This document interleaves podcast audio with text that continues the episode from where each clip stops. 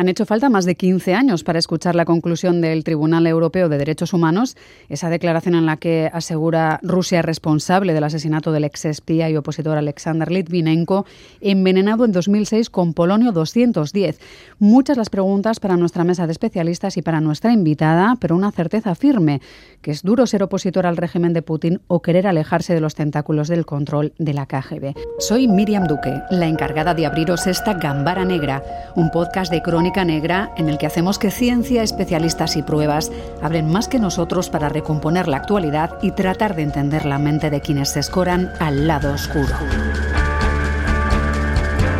Poco antes de la muerte de Alexander Litvinenko, eh, se había reunido en un restaurante del centro de Londres con dos excompatriotas que echaron veneno en su té y fue fulminante. Una de las claves de esa rapidez está en que fue ingerido y no inhalado. Adela Muñoz Páez es catedrática de Química Inorgánica y autora del libro de investigación Historia del veneno de la cicuta al polonio. ¿Qué tal, Adela? ¿Cómo estás? Hola, buenas tardes. Muy bien. Bueno, es un libro que supone muchos años de investigación y que explica algunas de las grandes preguntas en torno a este caso. Por ejemplo, ¿por qué su muerte fue tan fulminante? Bueno, pues fue tan fulminante porque, a diferencia de las otras personas que resultaron afectadas por el polonio, su descubridora, María Skłodowska Curie, su hija, Irene Joliot Curie, que hizo su tesis sobre el polonio, a Litvinenko le dieron este, el polonio en un té y entonces Litvinenko se lo tragó. Eso es una, diferencia esencial respecto a las otras personas que resultaron afectadas por el polonio. Entendemos, Adela, que es un compuesto que no tiene especial sabor ni olor, ¿no? No, no, no. Es una sustancia, en realidad no es polonio puro, sino una de sus sales. Es soluble, no tiene sabor ni olor. Y bueno, aunque la tuviera, las cantidades que hacen falta para que sea letal son tan infinitamente pequeñas que no se habrían podido apreciar ni su sabor ni, su olor. ¿Y dónde va ese polonio? ¿En qué órganos se acumula o qué efectos tiene en nuestro cuerpo? Eh, el polonio no se ha estudiado mucho por lo muy escaso que es y por lo carísimo que es, por tanto, eh, sintetizarlo y trabajar con él, aparte de su gran peligrosidad pero el polonio es particularmente peligroso cuando llega al, torrente sanguíneo y sobre todo lo que debió matar a Litvinenko fue cuando alcanzó la médula ósea e impidió que siguiera funcionando y entonces eh, ahí fue ya cuando murió. Pero antes de eso afectó a muchísimos otros órganos.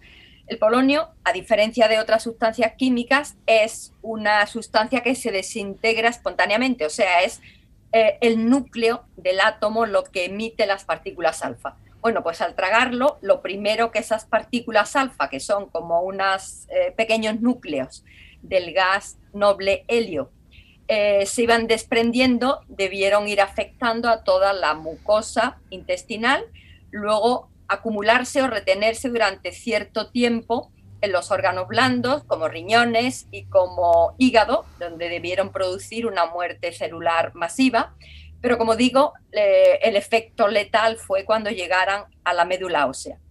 Por el camino, pues también afectaron muchos folículos pilosos y todos recordamos que Litvinenko fue perdiendo el pelo, el pelo de, de su cabeza y el pelo de las cejas, por lo que una de las hipótesis que se planteó era que hubiera ingerido talio que otro de los efectos es hacer perder el cabello.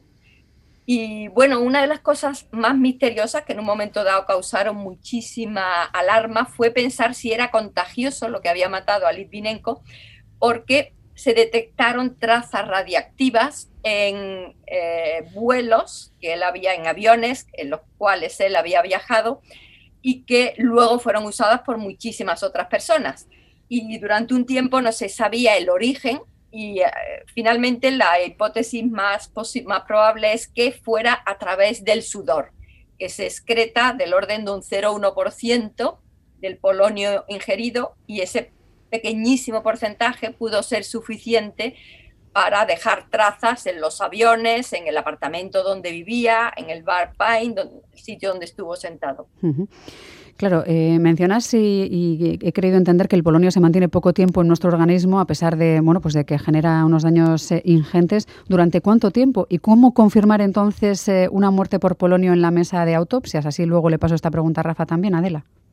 en el caso de Litvinenko, mm, esta hipótesis de entrada no se, no se consideró, se consideró el talio, se consideraron todos los venenos conocidos, pero es que lo del polonio es tan, raro y tan extraordinariamente caro, eh, no se sabía tampoco cuando se trabajó con la hipótesis de dónde pudo haber salido. Pero bueno, el hecho es que cuando se detectó, creo que fue uno o dos días antes de que muriera, analizando los fluidos corporales. No sé si fue algo de sangre, orina. Em, entonces estuvo estas dos semanas en el cuerpo de Litvinenko, aunque se excretara la mayor parte en, una, en un periodo de tiempo más pequeño. Pero como digo, en el momento que llegó a los tejido blando y a la médula ósea se acumuló y luego también que el polonio también tiene un tiempo de semidesintegración relativamente corto, con lo cual cuando emite las partículas alfa está desapareciendo para dar lugar a una sustancia completamente inocua, como sería un eh, átomo de plomo. Rafa, entiendo que jamás habrá pasado por tu morgue en tus años de experiencia algo similar, eh, pero, pero sí que más o menos te hacías una idea de cuál es la respuesta del organismo ante un envenenamiento de este tipo, ¿no? Bueno, yo creo que lo más cercano a una intoxicación por polonio y guardando una muy respetuosa distancia sería un fracaso multiorgánico. Un fracaso multiorgánico con un fallo patorrenal, que es, es lo que se ha descrito, con un fallo a nivel de médula ósea, con un fallo posiblemente también a nivel neurológico, lo que es una radiación interna, es decir, de estar radiándose por dentro. ¿Hay algo de autopsia? Los comunes en un, nosotros podríamos encontrar los comunes en un fracaso multiorgánico en una persona, que a veces son por cuadros éticos, otras veces son por politraumatismos, otras veces son por quemaduras, hay muchos, muchos orígenes de eso. Y una autopsia a un sujeto con una intoxicación por material radiactivo, desde luego no sería yo el que se ofrezca voluntario. Hmm a semejante cosa desde la misma profunda ignorancia, evidentemente. ¿eh? sí, pero es verdad que Yo estoy como los primitivos, el sol no lo conozco, me da mucho miedo y lo adoro. pero la radioactividad me parece que es un tema, como casi todos los tóxicos, muy difícil de detectar desde el punto de vista patológico y muy peligroso de, trabajar con él. Se recomienda que su cuerpo o que su ataúd de verdad Adela, permanezca sellado 22 años por seguridad. Ya queda menos, porque al final han ido pasando muchos años desde que todo esto comenzó. ¿Qué se podría encontrar? No sé, Adela, ¿cuál es tu sensación de que todavía habrá una cierta pues posibilidad de contaminar el escenario si se abre esa celda? Yo, diría que no, porque el tiempo de semidisintegración del polonio es 138 eh, días, entonces, suponiendo que de entrada teníamos una cantidad, pongamos un gramo, era una cantidad del orden de una millonésima menos, pero bueno, pongamos un gramo, pues cuando pasaron 140 días quedaría medio. Cuando pasaron eh, el doble de ese tiempo, 280 días, quedaría un cuarto de gramo, la mitad de la mitad. Y entonces, al cabo de estos 22 años, queda uno partido por dos elevado a n periodos de, semidesintegración, que creo que son del orden de unos 80, con lo cual en el ataúd de Lipinenko hoy debe quedar poquísimo polonio. Esas pequeñas cantidades se habrán transformado en su mayor parte en plomo. En plomo. Carlos, entiendo que tú sí le estás dando vueltas a esa imagen como me puede estar pasando a mí, ¿no? Porque sí que imagino que a pesar de todo habrá una gran parafernalia antes de abrir, ¿no? Ese, ese ataúd sellado durante 22 años, por un lado por lo que ocurrió, por otro pues porque la palabra polonio, a pesar de que como nos explicaba muy bien Adela, pues quedarán algún resto de, plomo, pero también un poco por, por toda la parafernalia, ¿no? Que supone. Hombre, fíjate que yo como escritor estaba pensando en un terrorista doméstico eh, desenterrando ese ataúd para llevárselo y eh, conseguir un poco de polonio para envenenar a una, para envenenar a una segunda persona. ¿no? Una profanación de tumba para conseguir eh, Eso ya vamos tarde, ¿no? Ya tendría que haber sido unos 138 días iniciales. Sí, sí, sí, pero, pero bueno, supongo que le enterraron en, en, algún sitio donde la gente no tenga un acceso fácil, ¿no? Porque el ser humano tiene ideas muy peregrinas muchas veces, ¿no? Pero sí es, eh, a lo largo de la, literatura eh, y de los años, eh, sobre todo en la literatura de espías y determinado tipo de thriller, es muy clásico el envenenamiento. Es, uno de los recursos más, más habituales, ¿no? sobre todo en la Guerra Fría y da muchísimo, muchísimo juego, precisamente porque interviene ese elemento de, pues bueno, es un veneno nuevo, nadie lo conoce, no aparece en la autopsia, no aparece en los tóxicos, eh, qué es lo que está matando o lo que ha matado a esta, a esta persona, ¿no? Y eso siempre es un elemento de, primera magnitud para un escritor. Claro, mencionábamos eh, Guerra Fría, Adela. Em, ¿Dónde pudo encontrarse esa reserva de polonio para envenenar a Litvinenko? Hablamos de esas reservas que quedaban al fin de la Guerra Fría, pero exactamente ¿de dónde sale? ¿De qué complejo nuclear crees que sale? Pues una de las primeras incógnitas era saber de dónde había salido el polonio que se usó para matar a Litvinenko la hipótesis primera, bueno, pues de los eh, residuos que quedaban de los, mm, del armamento nuclear, del arsenal nuclear que se hicieron tanto en Estados Unidos como en Rusia durante la Guerra Fría. Pero de nuevo volvemos al periodo de desintegración que hace que se transforme en plomo. Entonces, eh, transcurridos, eh, me parece que eran más de 20 años desde el final de la Guerra Fría, pues todos los grandes arsenales de polonio, bueno, grandes arsenales, estamos hablando de unos cuantos gramos, se habrían desintegrado para transformarse en plomo. Con lo cual, la única posibilidad era que se hubiera preparado es profeso. Y el único sitio donde se sintetiza polonio, eh, no como lo obtuvo María Skłodowska, que lo mm, concentró a partir del procesado de toneladas de mineral pechblenda, sino sintetizándolo es profeso en un reactor nuclear bombardeando otro elemento, en concreto bismuto. Bueno, pues este reactor nuclear se encuentra en la ciudad rusa de Arzamas, que fue una ciudad fantasma durante la Guerra Fría porque tenía se realizaban la mayor parte de las investigaciones relacionadas con la tecnología nuclear. Entonces tenían todas las y tienen todas las instalaciones para llevar a cabo esa, esa síntesis. También tienen un personal muy formado y unos conocimientos y unas instalaciones que hoy se están empleando en colaboración con eh, centros de investigación de Europa y de Estados Unidos. Lo que pasa que tras la caída del muro también hubo una serie de años donde no había control de, bueno, y donde los científicos también formados pues no cobraban, no tenían para mantenerse ni para mantener sus instalaciones y no se sabe si pudo haber habido más mafias que aprovecharon pues para hacerse con arsenales o con pequeñas cantidades de materiales radiactivos, por ejemplo, para fabricar, como el polonio, bombas sucias. Una pequeñísima cantidad de polonio en una bomba convencional que la expandiera.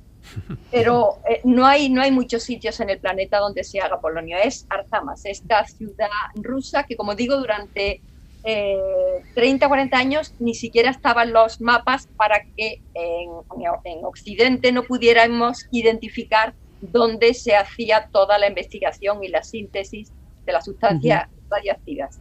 Vamos sumando elementos eh, inquietantes también, ¿no? Esa ciudad fantasma, esa zona que nunca salió en los mapas, eh, Carlos. No sé si lo mencionará Robin Cook, eh, también hay algún libro sobre Polonio 210. Entiendo que, bueno, pues tiene todo un entorno bastante inquietante, hmm. digamos, ¿no? Sí, una de las cosas eh, que siempre me parece, me parece curiosa cuando hablo con científicos es que los propios científicos olviden muchas veces la dimensión humana de otros científicos. Es decir, siempre son mafias las que acceden a, a esos elementos radioactivos, nunca son científicos los que comercian con ellos, cuando ha habido casos también, ¿no? yo entiendo que llega un momento en el que después del maltrato sometido, de no cobrar sueldo, etcétera, sí hay científicos que eh, sencillamente se ponen ellos en contacto con mafias y venden determinado tipo de, material, ¿no?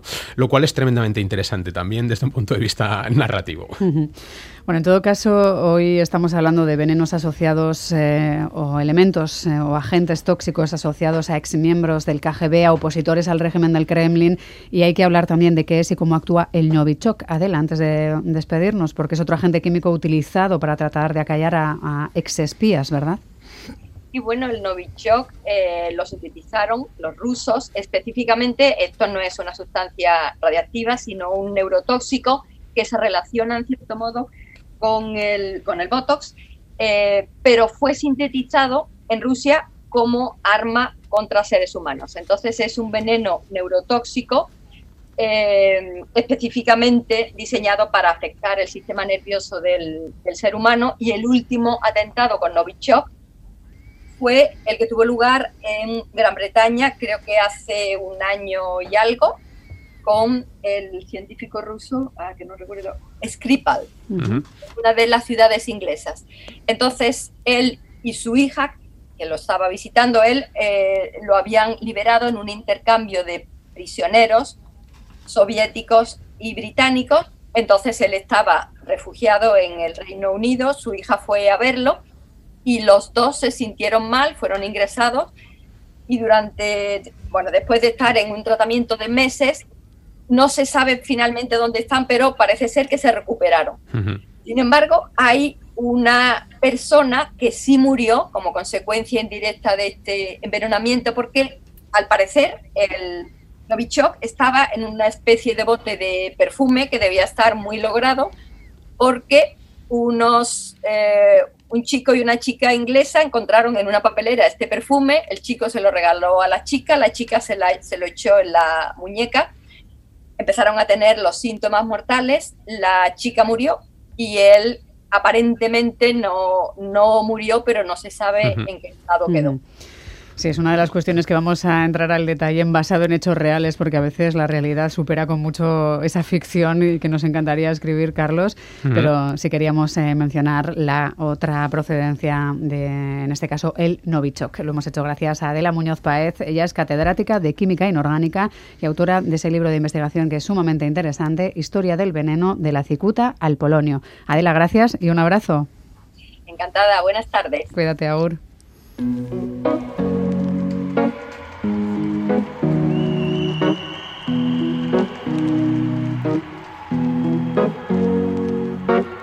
Here's to the ones that we got. Cheers to the wish you were here, but you're not. Cause the drinks bring back all the memories of everything we've been through. Los síntomas son evidentes. Si hay alguien con sudores, pupilas pequeñas, visión borrosa, alucinaciones, llamadme.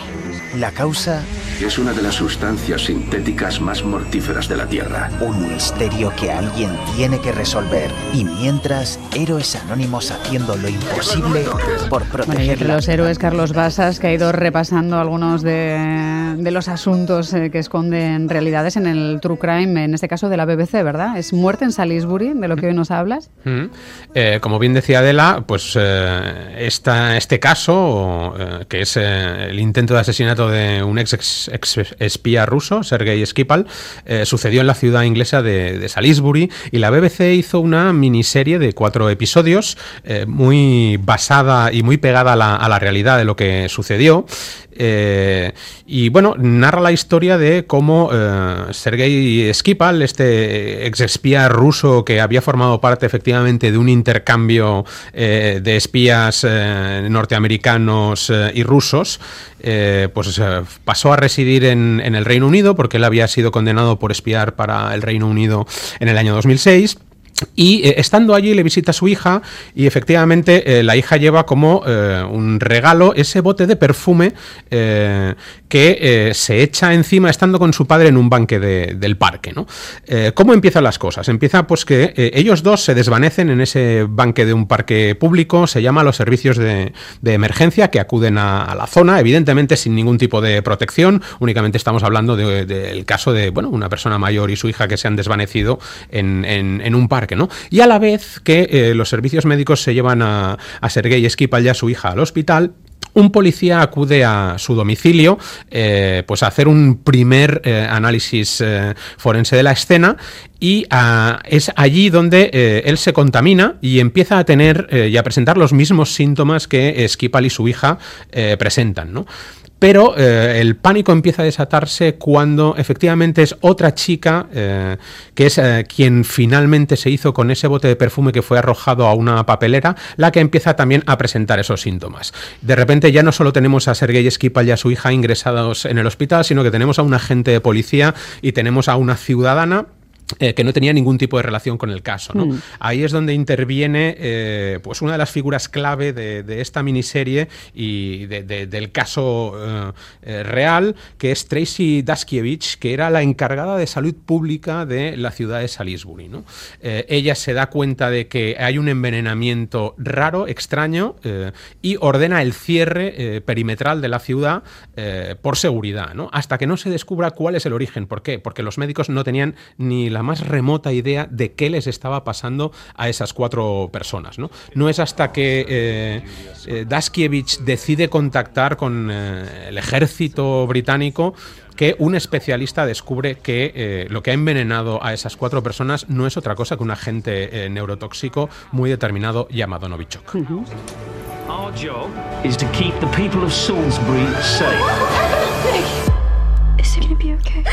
Bueno, Iñaki, a ti no te ha tocado algo similar, pero supongo que le habría tocado hacer de detective inspector Nick Valley, ¿no? En este caso, ¿no, Carlos? Asumiendo. Es verdad que hay veces eh, que eh, hay que conectar eh, dos casos que parecen banales, ¿no? Porque, claro, la, posibilidad de que alguien encuentre un bote de perfume, se lo guarde, se lo regale a su pareja y a partir de ahí se desate otra incidencia, incidencia gravísima, hace que parezca imposible, ¿no? Porque es todo un cúmulo de casualidades, ¿no? Una papelera, alguien coge ese regalo. Eso pasará también en la vida real, ¿no? No en casos tan eh, destacados, ¿no, Iñaki? Pero sí que de repente algo no conecte, no, no encaje, ¿no? Sí, efectivamente. Tal y como hablé en el programa anterior, eh, tenemos que tener claro el tema de la trazabilidad de la evidencia, que es lo que estamos hablando. En todo momento, dónde la hemos localizado, hasta dónde puede derivar y las consecuencias para, para hilar el por qué ha sucedido ese hecho, porque no sabemos. Eh, cuando se interviene en un escenario, eh, no solamente estamos mirando al foco de donde, eh, en este caso, pues podemos tener la víctima. La búsqueda es un extrarradio mucho más amplio. Entonces, por lo tanto, en este caso, pues se ha localizado ese bote de perfume o de colonia y se ha visto el efecto que ha causado, ¿no? para lo cual me imagino que habrán tenido que hacer una búsqueda, una inspección en el entorno donde han sucedido los hechos, si no, lógicamente no hubiesen andado con ello. Claro, pues serán como dos círculos que se acaban cruzando, ¿no? Y, de repente hay un espacio común que conecta el caso de un aparente padre e hija normales y una pareja normales también. No hay nada que vaya al adbur, ¿no? Al final... Eh, tenemos que tener claro que por una parte se trabaja la analítica, el laboratorio, la científica, y por otra parte están trabajando todos los grupos de investigación, con todo lo que ello conlleva. ¿eh? La búsqueda del porqué, todas las líneas de investigación y ahí es donde de alguna manera pues eh, se cruzarán, como bien dices. ¿eh? Sí, si os fijáis, eh, yo creo que en este caso hay, una, hay un elemento que es el que a mí me parece, eh, por un lado, atroz y por el otro lado, eh, romántico, por decirlo de algún modo, que es lo que llevó a la muerte a esta, esta chica, que fue la, última, la única víctima mortal, recuerdo. Fue un acto de amor de su novio que, bueno, ellos eran dos exdrogadictos, dos personas que vivían un poco al margen de la sociedad, y fue ese acto de amor de descubrir un tarro de perfume que parecía bueno, que parecía de calidad, que es lo que le, llevó a cogerlo y a regalárselo eh, a ella, ¿no? Como detalle. Y eso fue lo que a la postre acabó, acabó matándola, ¿no? Eh, siempre hay un, lado eh, tremendamente humano, más allá del espionaje, más allá de, las conspiraciones internacionales, más allá de los asesinatos ordenados por Putin, que es la tragedia humana, ¿no? De, esta, de esta pareja. Daños colaterales, ¿no? o diríamos después como, como concepto vital, ¿no? Bueno, pues esta era una historia en la que aparecía también el Novichok. De lo que entiendo, Rafa, no tienes eh, datos fehacientes en tu historial personal, ¿no? Sé que has investigado porque lo investigas todos, pero ningún Novichok, ¿no? Aquí llegan las cosas mucho más normales, gracias a Dios. Lo que sí llama la atención del Novichok, de la variante del VX y del polonio, son venenos que parece que ha sido un boom, pero la historia del veneno es ancestral, es antidiluviana desde los, antes de los egipcios, todo ha existido, ha existido el veneno siempre y se ha utilizado siempre, desde el punto de vista de uso normal para la caza, para la, como medicina, o se ha utilizado como arma criminal. Y todo sirve como veneno. Para Celso en el siglo XVI decía que todo es veneno, solo depende de la dosis. Y lo que sí tiene de bueno estos venenos nuevos, que son venenos que casi casi podrían tener el calificativo de estado, es que se apartan un poquitín de lo que es un tóxico clásico. Un tóxico clásico tiene que ser barato, tiene que ser de fácil adquisición, tiene que ser que no ni tenga olor, ni tenga sabor, ni tenga un color que lo, que lo- y además que su intoxicación remede cuadros clínicos banales. Sí, que se confundan con cualquier otra cosa, ¿no? Claro, ahí- Esos son- ahí- así se ha utilizado toda la vida. entre que Ahora, Alzheimer pilla desmano y que banal no es el cuadro que genera ni el no, Novichok y, ni hasta- el Polonio. y, y durante toda la historia, lo que tardó en, de- en determinarse, en diagnosticarse, en, en observar el tóxico que lo producía, ha traído que después las, las, las actuaciones sean mucho más sofisticadas y sea más difícil el, el encontrar el origen del tóxico. Pero aún y así seguimos manteniendo, gracias a Dios, un, un sistema de crimen rural, rural que, que eh, siempre es mejor. Sí, Ra- Rafa comentaba una cosa muy importante, que es eh, esa cita de Paracelso, que eh, hay, hay gran cantidad de sustancias tóxicas eh, que eh, consumimos a diario, pero que en la dosis en la que las consumimos son absolutamente inocuas. ¿no? Yo recuerdo que una de las cosas que más me impactó en su día hablando con un científico es cuando me dijo que las pepitas del corazón de la manzana o la nuez moscada pueden llegar a ser altamente tóxicas si uno supera determinada dosis. Con lo cual, pues a veces no nos damos cuenta de que eh, en cocina y en otros elementos de nuestra vida estamos rodeados de, tóxicos y de sustancias que eh, en una cantidad eh, exagerada pueden llegar a matarnos. Bueno, hemos repasado el polonio, el novichok, pero en el libro de la catedrática de la Muñoz Páez se mencionaba otra palabra importante, la cicuta.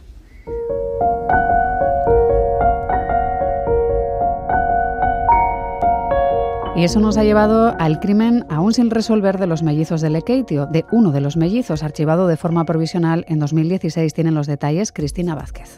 El caso se remonta a un 26 de junio de 2015. Ese día, los dos gemelos de 13 años se pusieron enfermos a la vez cuando se encontraban en distintos lugares de Lekeitio. Dada la gravedad, fueron trasladados en helicóptero al hospital de Cruces. Uno de ellos falleció pocos días después.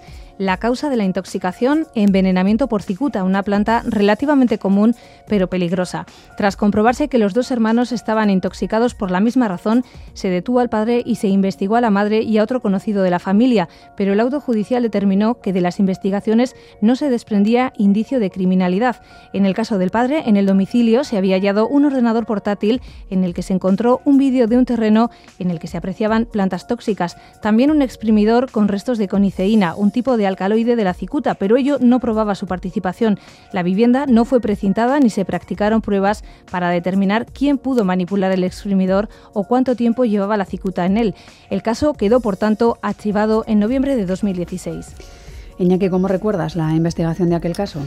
Bueno, en principio aclarar que creo que se ha celebrado el juicio, salió asuelto el padre, por lo tanto la línea de investigación, si existe alguna nueva, pues se abrirá. Pero en principios creo que se celebró y...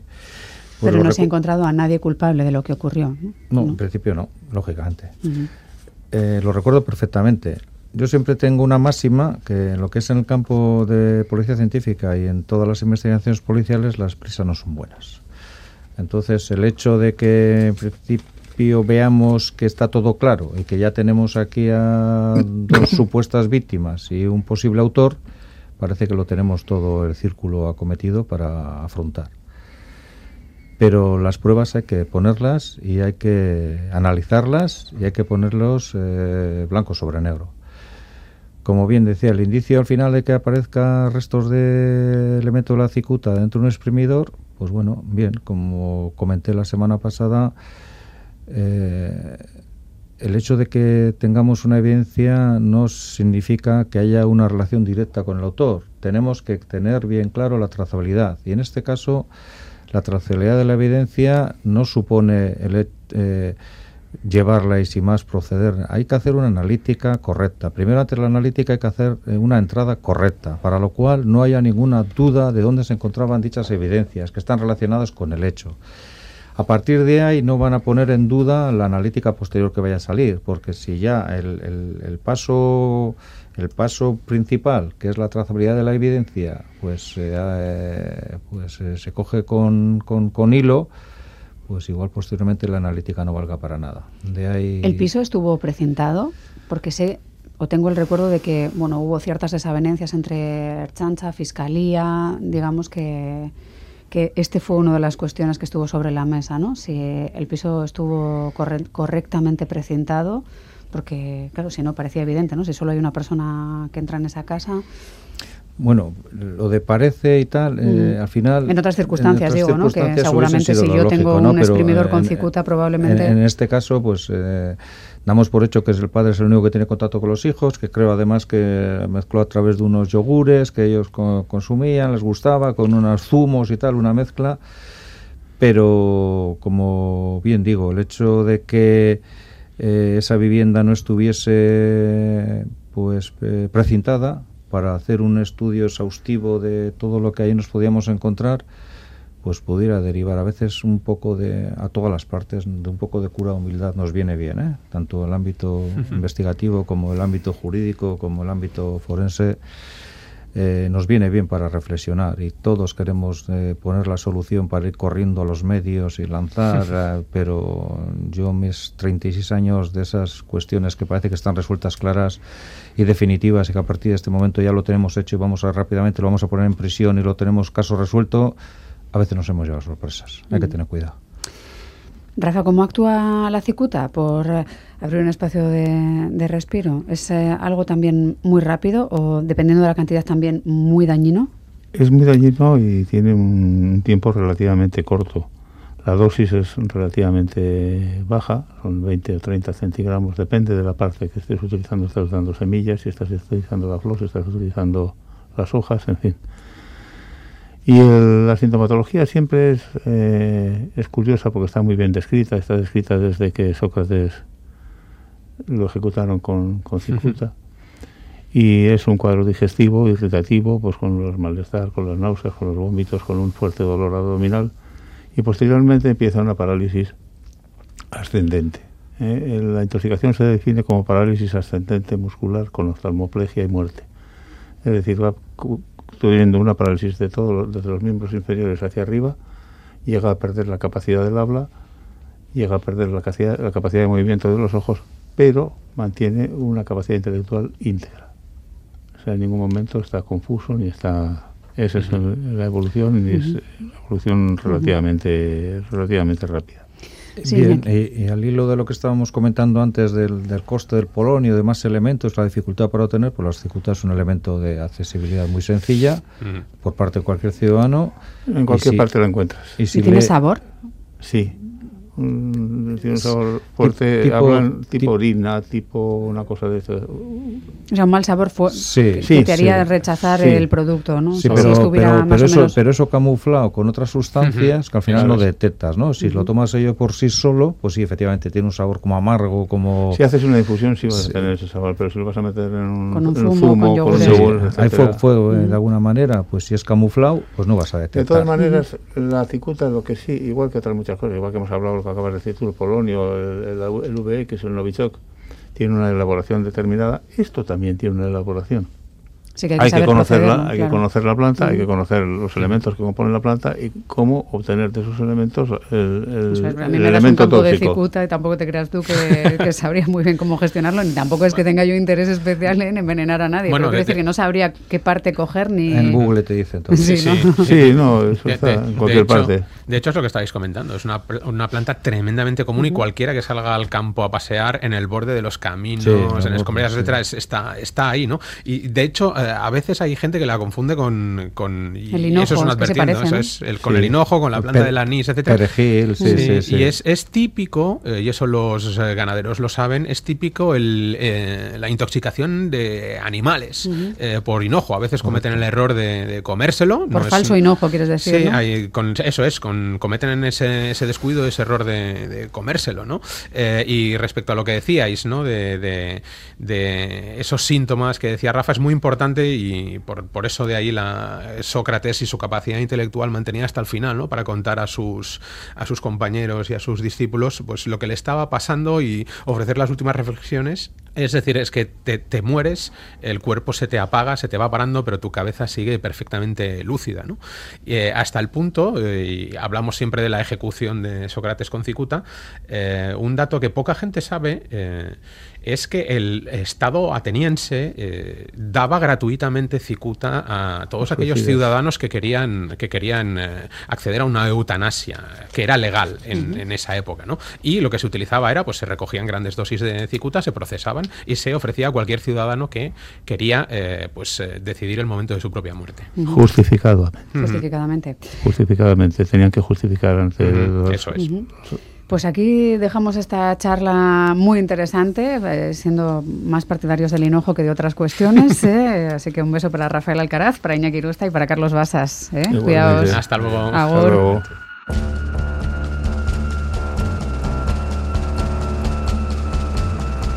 Gambara Negra, el podcast de crónica negra e investigación de EITB Podcast.